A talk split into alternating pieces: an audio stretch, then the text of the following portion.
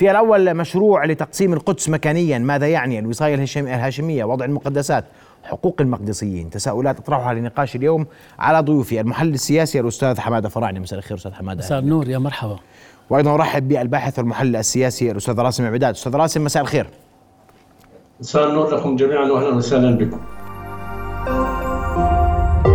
رؤيا بودكاست. أستاذ حمادة أبدأ منك وأنا سؤالي الأول سيكون إنه اليوم الحديث عن مشروع للاحتلال في الكنيست لتقسيم القدس المسجد الأقصى مكانيا وزمنيا وهذا أمر خطير جدا. صحيح غير صحيح وما آلات ذلك وبمر بمرش نعم. آه، شكرا بداية والتحية لضيفك العزيز من فلسطين من القدس. آه، هذا مشروع ليس جديد مشروع قديم. آه، لكن لازم يكون واضح أن التقاسم الزماني وقع مع الأسف في المسجد الأقصى.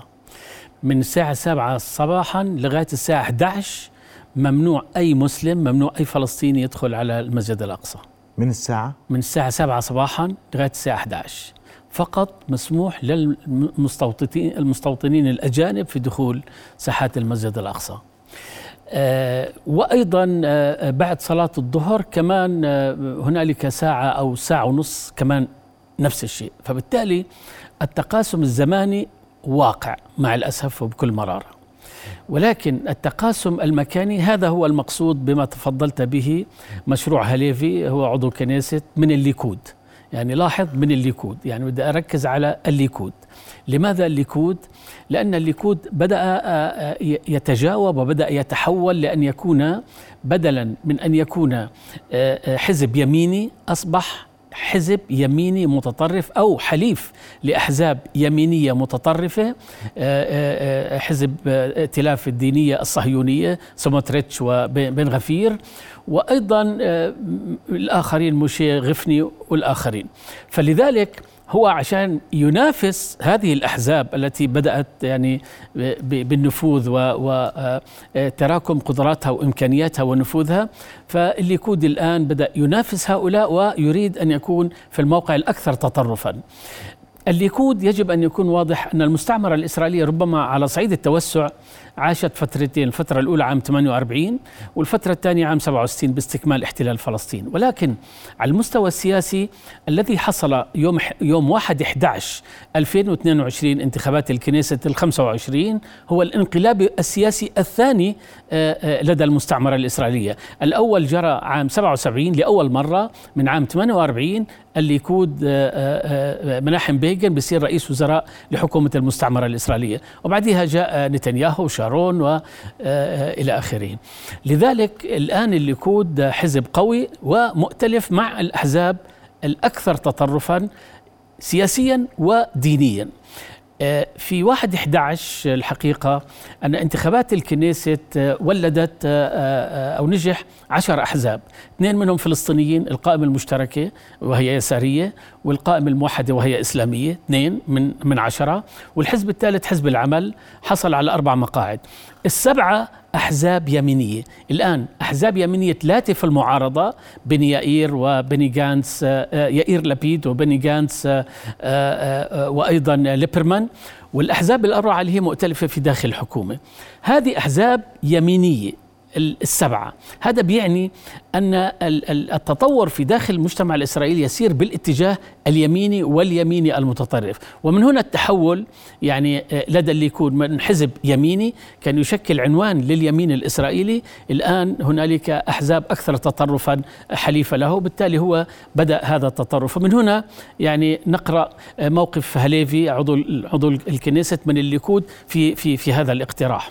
لذلك هذا الاقتراح آه، الحقيقة خطر حينما يشرع بالكنيسة الإسرائيلي ويصبح هنالك آه، آه، سيكون هنالك إجراءات عملية إلزامية للحكومة بأن تلتزم بقرار الكنيست إذا حصل على الأغلبية، طبعا الآن الائتلاف الحكومي الأحزاب الأربعة لديها 64 نائب في الكنيست وبالتالي الأغلبية، وبالتالي إذا تم التوافق على هذا القرار على هذا التشريع من قبل الأحزاب الأربعة المؤتلفة فهذا يعني سيكون هنالك فعلا وحقيقة قرار من قبل الحكومة من قبل الكنيسة أولا ومن ثم تلزم الحكومة بهذا التقسيم. طيب مع الأسف نعم. اسمح لي أستاذ حماد وأنا ماذا يعني الإلزام؟ دلت ذلك على الوصاية الهاشمية الأثر على المقدسيين كل هذا راح أرجع لك فيه لكن بدي أسمع رأي الأستاذ راسم عبيدات بكل ما نورد اليوم والحديث اليوم جدي حول وجود مشروع قانون لتقسيم القدس مكانيا وهذا أمر خطير.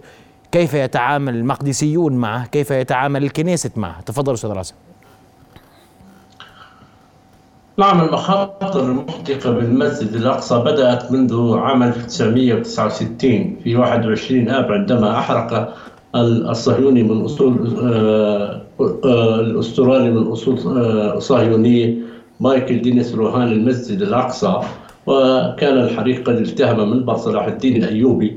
وعندما قالت رئيسة وزراء دولة الكيان آنذاك جولدا مير بأنها لم تنم طوال الليل وكانت تبكي على دولة الكيان معتقدة بأن هناك آه، جيوش عربية وإسلامية ستنقض على دولة الاحتلال وتنهي وجودها نصرة للمسجد الأقصى. وعندما طلع الفجر واكتشفت أن العرب مجرد والمسلمين مجرد ظاهرة صوتية لا أكثر قالت بأنه نستطيع أن نعمل أي شيء في المسجد الأقصى دون أن نتحرك لا العرب والمسلمين. ولذلك كل التطورات منذ عام 1969 تؤشر إلى أن هناك مخطط ومنهج.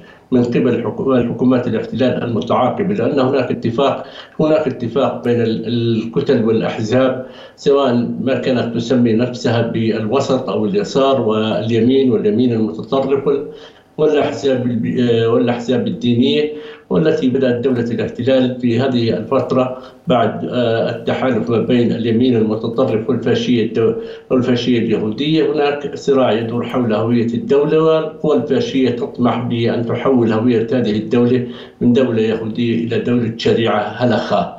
ولذلك نحن الآن نتحدث عن آه، خطر جدي وحقيقي على المسجد الأقصى. وهذا الخطر الجدي والحقيقي ليس فقط من آه، مسودة القرار الذي طرحه آه، طرحه عميت هليفي أحد أعضاء الكنيست عن حزب الليكود الحاكم بل المسألة بدأت بتشكيل لوبي أيضا من أعضاء الكنيست بحث الحرية الدينية لليهود فيما يسمونه جبل المعبد باعتباره المكان المقدس والأقدس لليهود. وبالتالي هم قالوا بشكل واضح أنهم يقولون بشكل واضح أن هذا المكان له أحد الأماكن المقدسة لليهود لما له من دور وأهمية في النسيج والوجود الوجود الصهيوني. وقبل ذلك سبقه كما تتذكر الإعلان الجوائز النقدية من قبل جماعات العائدون إلى الهيكل وعائدون إلى جبل الرب برصد جوائز مالية تصل إلى عشرين ألف شيكل لكل من يدخل قربان حيواني إلى ساحات المسجد الأقصى. وكانوا في كل هذه التفاصيل التي أريدها يعملون على إحياء ما يسمى بالهيكل المعنوي. كل طقوس الهيكل المعنوي استكملوها في المسجد الأقصى سواء إدخال قرابين نباتية قرابين حيوانية النفق في البوق إداء سجود الملحمة على شكل من أشكال الطقوس التلمودية والتوراتية إنشاد ما وحتى الجانب غير الديني من إنشاد النشيد ما يعرف دولة الاحتلال احتقفا أنشدوه ورفعوا الإعلام في ساحات المسجد الأقصى وأدوا صلوات جماعية وفي ساحات المسجد الأقصى وقرأوا آه، فقرات من التوراة ومن سفر إيستر وبالتالي الآن هم انتقلوا خطوة إلى الأمام باتجاه الشراكة في المكان من تحويل المسجد الأقصى من مسجد إسلامي خالص بمساحته طيب. المعرفة 144 دون تحت الأرض وفوق الأرض وقبابه ومساطبه ومآذنه باتجاه أن الإحلال الديني بأن يصبح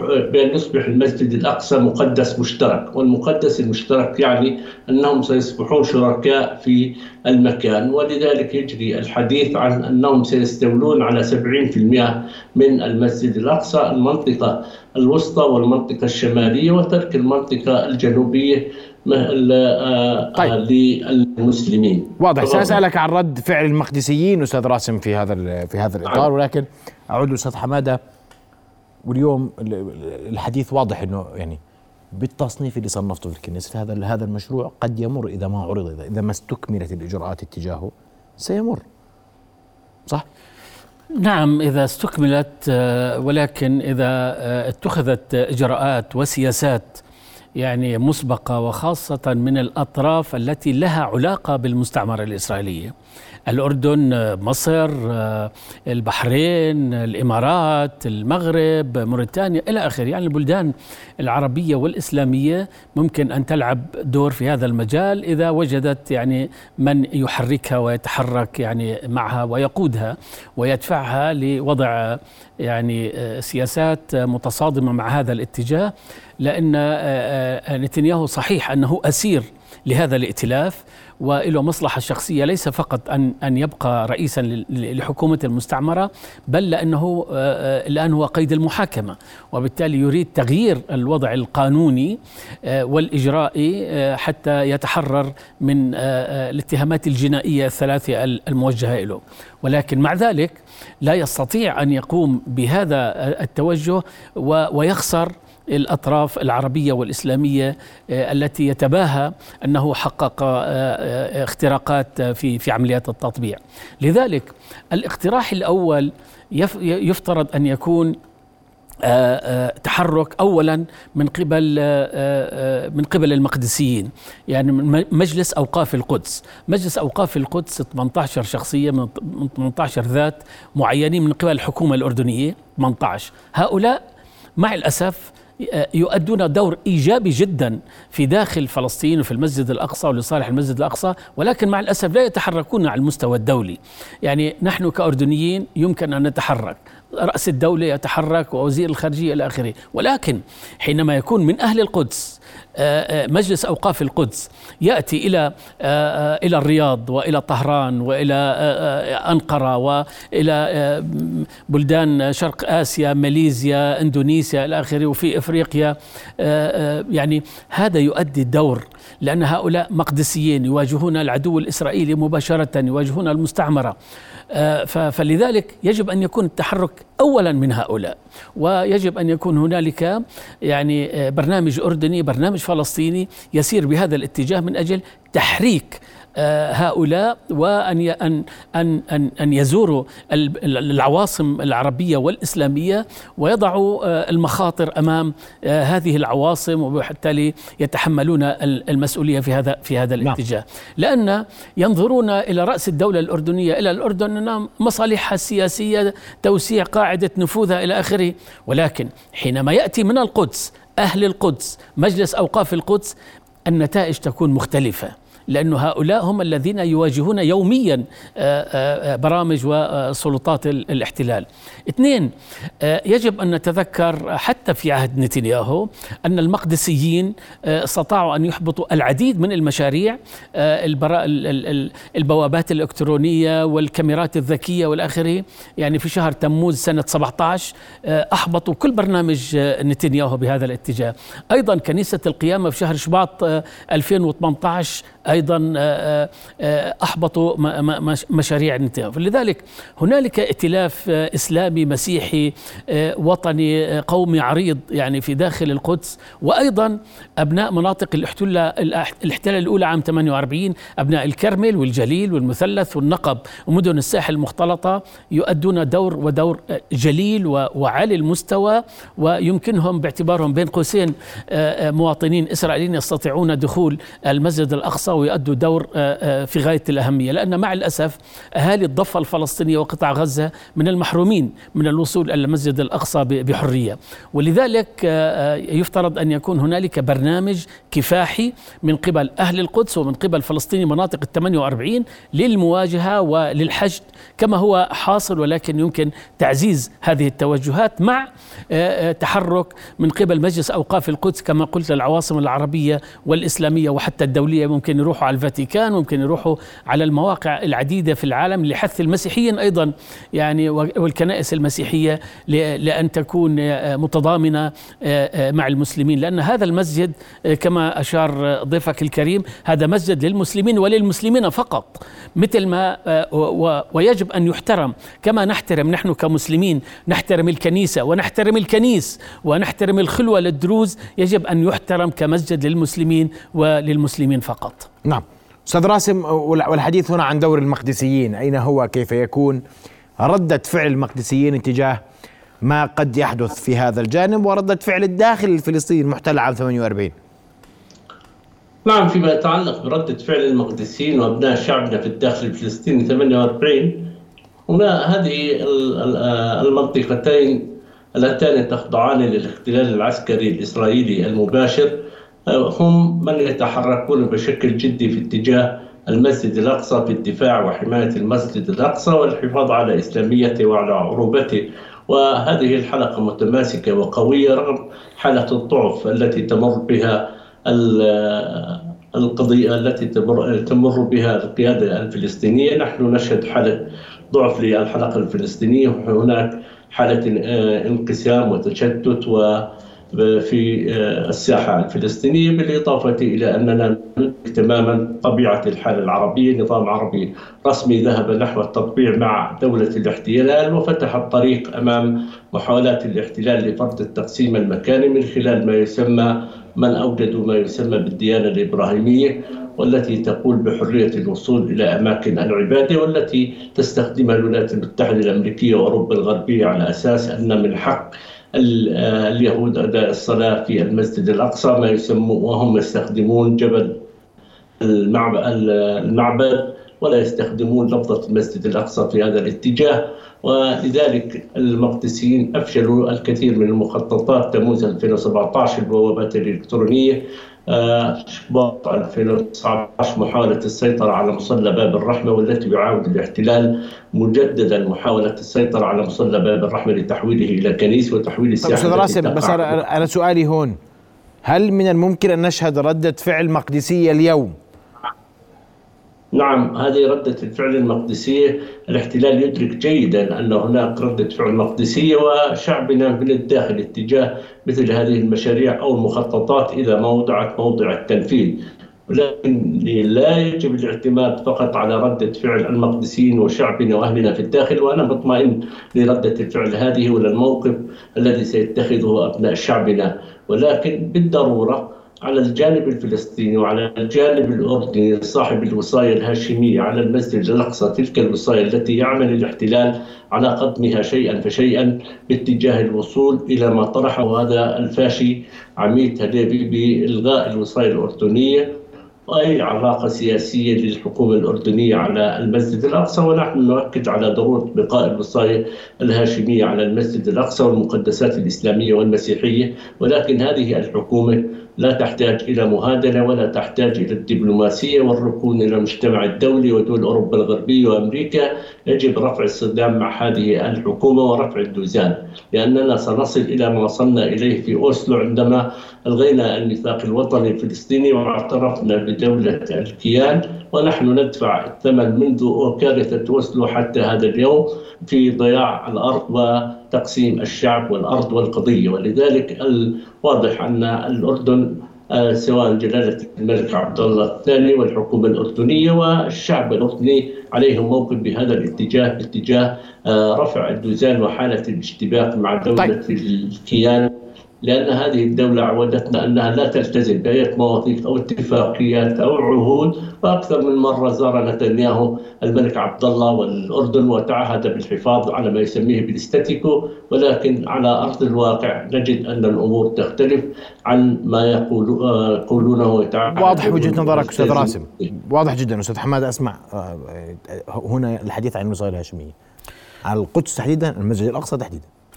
نعم الوصايا الهاشمية يجب أن نتذكر آه الذي أحيا وأقام و ورسخ الوصايا الهاشمية هم الفلسطينيين.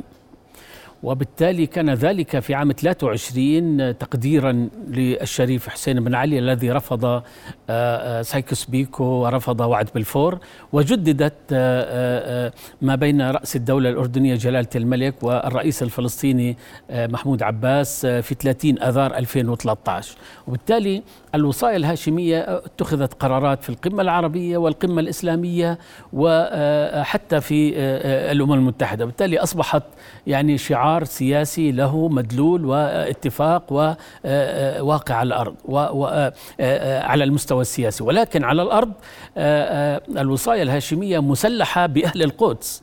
أهل القدس يعني الآن الأخ الضيف المحترم من فلسطين حينما يتحدث عن أهمية الوصايه الهاشمية وهو يعني شخص يعني باحث وشخص وطني والى اخره لا مصلحة له يعني لأن يجامل الأردن. حينما يتحدث في هذا الموضوع فهذا نموذج للانحياز الفلسطيني للأردن لهذا الدور. ويجب أن نتذكر جيدا أن الأردن على الرغم من معاهدة السلام الأردنية الإسرائيلية ألغى ملاحق معاهدة السلام الأردنية الإسرائيلية في شهر 11 2018 وأيضا في في في آه، آه، في آه، في آخر الشهر الماضي في أول الشهر الحالي لم يدعى أي من من المسؤولي المستعمرة الإسرائيلية لا رئيس الدولة ولا رئيس الوزراء ولا أي من من من من يعني المستعمرة الإسرائيلية. وهذا هذا قرار سياسي مش يعني مسألة يعني تمر مرور الكرام. يجب أن نتذكر انه هذا وأن نتباهى فيها. أن الدولة الأردنية أن رأس الدولة الأردنية أن العائلة الهاشمية لم توجه دعوة لأي من من من الطرف الآخر. وبالتالي يعني آه، إذا كانت آه، آه، معاهدة السلام هي يعني سلاح فهذا السلاح يستعمل بالاتجاهين. ولذلك كما قلت وطبعا هنالك العديد من الإجراءات التي اتخذت أردنيا ولكن بحكي عن شيء بارز فاقع يشكل يعني حالة حنق عند الإسرائيليين أنهم لم يدعوا إلى إلى عرس سمو الأمير ولي العهد وأن الأردن ألغى ملاحق معاهدة السلام. ولذلك لذلك نحن سلاحنا الرئيسي هو الشعب الفلسطيني على الأرض هم أهل القدس وفلسطينية مناطق الاحتلال الأولى عام 48 نحن كأردنيين نقدم خدمات وخدمات جليلة لفلسطيني مناطق ال 48 نحن نقدم لهم تأدية فريضة الحج بجواز السفر الأردني وبعثة الحج الأردنية وتأدية مناسك العمرة. هنالك 4500 حاج كل عام يؤدون آه، آه، آه، واجبات الحج بجواز سفر وبعثة الحج. وهنالك 21 ألف معتمر أيضا يؤدون مناسك العمرة عبر بعثة الحج الأردنية. وهنالك الآلاف من الطلاب الذين تخرجوا من الجامعات الأردنية الأردنية الآن حينما ندقق آه، آه، مثلا بمهنتي الطب آه، والصيدلة تستغرب إذا قلت 40% من أطباء مناطق ال 48 هم من الفلسطينيين وغالبيتهم تخرجوا من الجامعات الأردنية. هنالك 60% من ممرضات وممرضي مناطق ال 48 هم من الفلسطينيين. ولذلك في حالة في رافعة أردنية داعمة ومساندة نحن نقدم 30 مقعد بمكرمة ملكية لكل حزب سياسي عنده مصداقية. نحن نقدم للشيوعيين 30 مقعد للحركة الإسلامية 30 مقعد للحزب الديمقراطي 30 آه، مقعد. إلى آخره وللدروز نقدم لهم وللبدو. هذا لم يكن عبثا ولا صدفة بل من أجل تأكيد والدفع باتجاه تعميق الهوية الوطنية لهذا القطاع من الشعب الفلسطيني تعميق قوميتهم العربية إسلامهم مسيحيتهم درزيتهم. بالتالي الآن الذين تخرجوا من الجامعات الأردنية قبل 20 سنة يعني إحنا بدأنا هذا البرنامج بسنة 95 آه، آه، إحنا الآن بال 2023 يعني تخرجوا سنة 2000 يعني قبل 20 سنة. اللي تخرج قبل 20 سنة من الأطباء المحامين المهندسين إلى آخره هم الآن قادة المجتمع العربي الفلسطيني. وبالتالي الأردن بشكل رافعة مهمة آه، وبالتالي من هنا تأثيره على المجتمع العربي الفلسطيني في مناطق ال 48 ودعمه وإسناده يعني لفلسطيني مناطق ال 67 وللسلطة الفلسطينية إلى آخره. مآلات كل ما يحدث وين؟ نعم. اليوم. ما يحدث اليوم. شو مآلات؟ هذا صراع.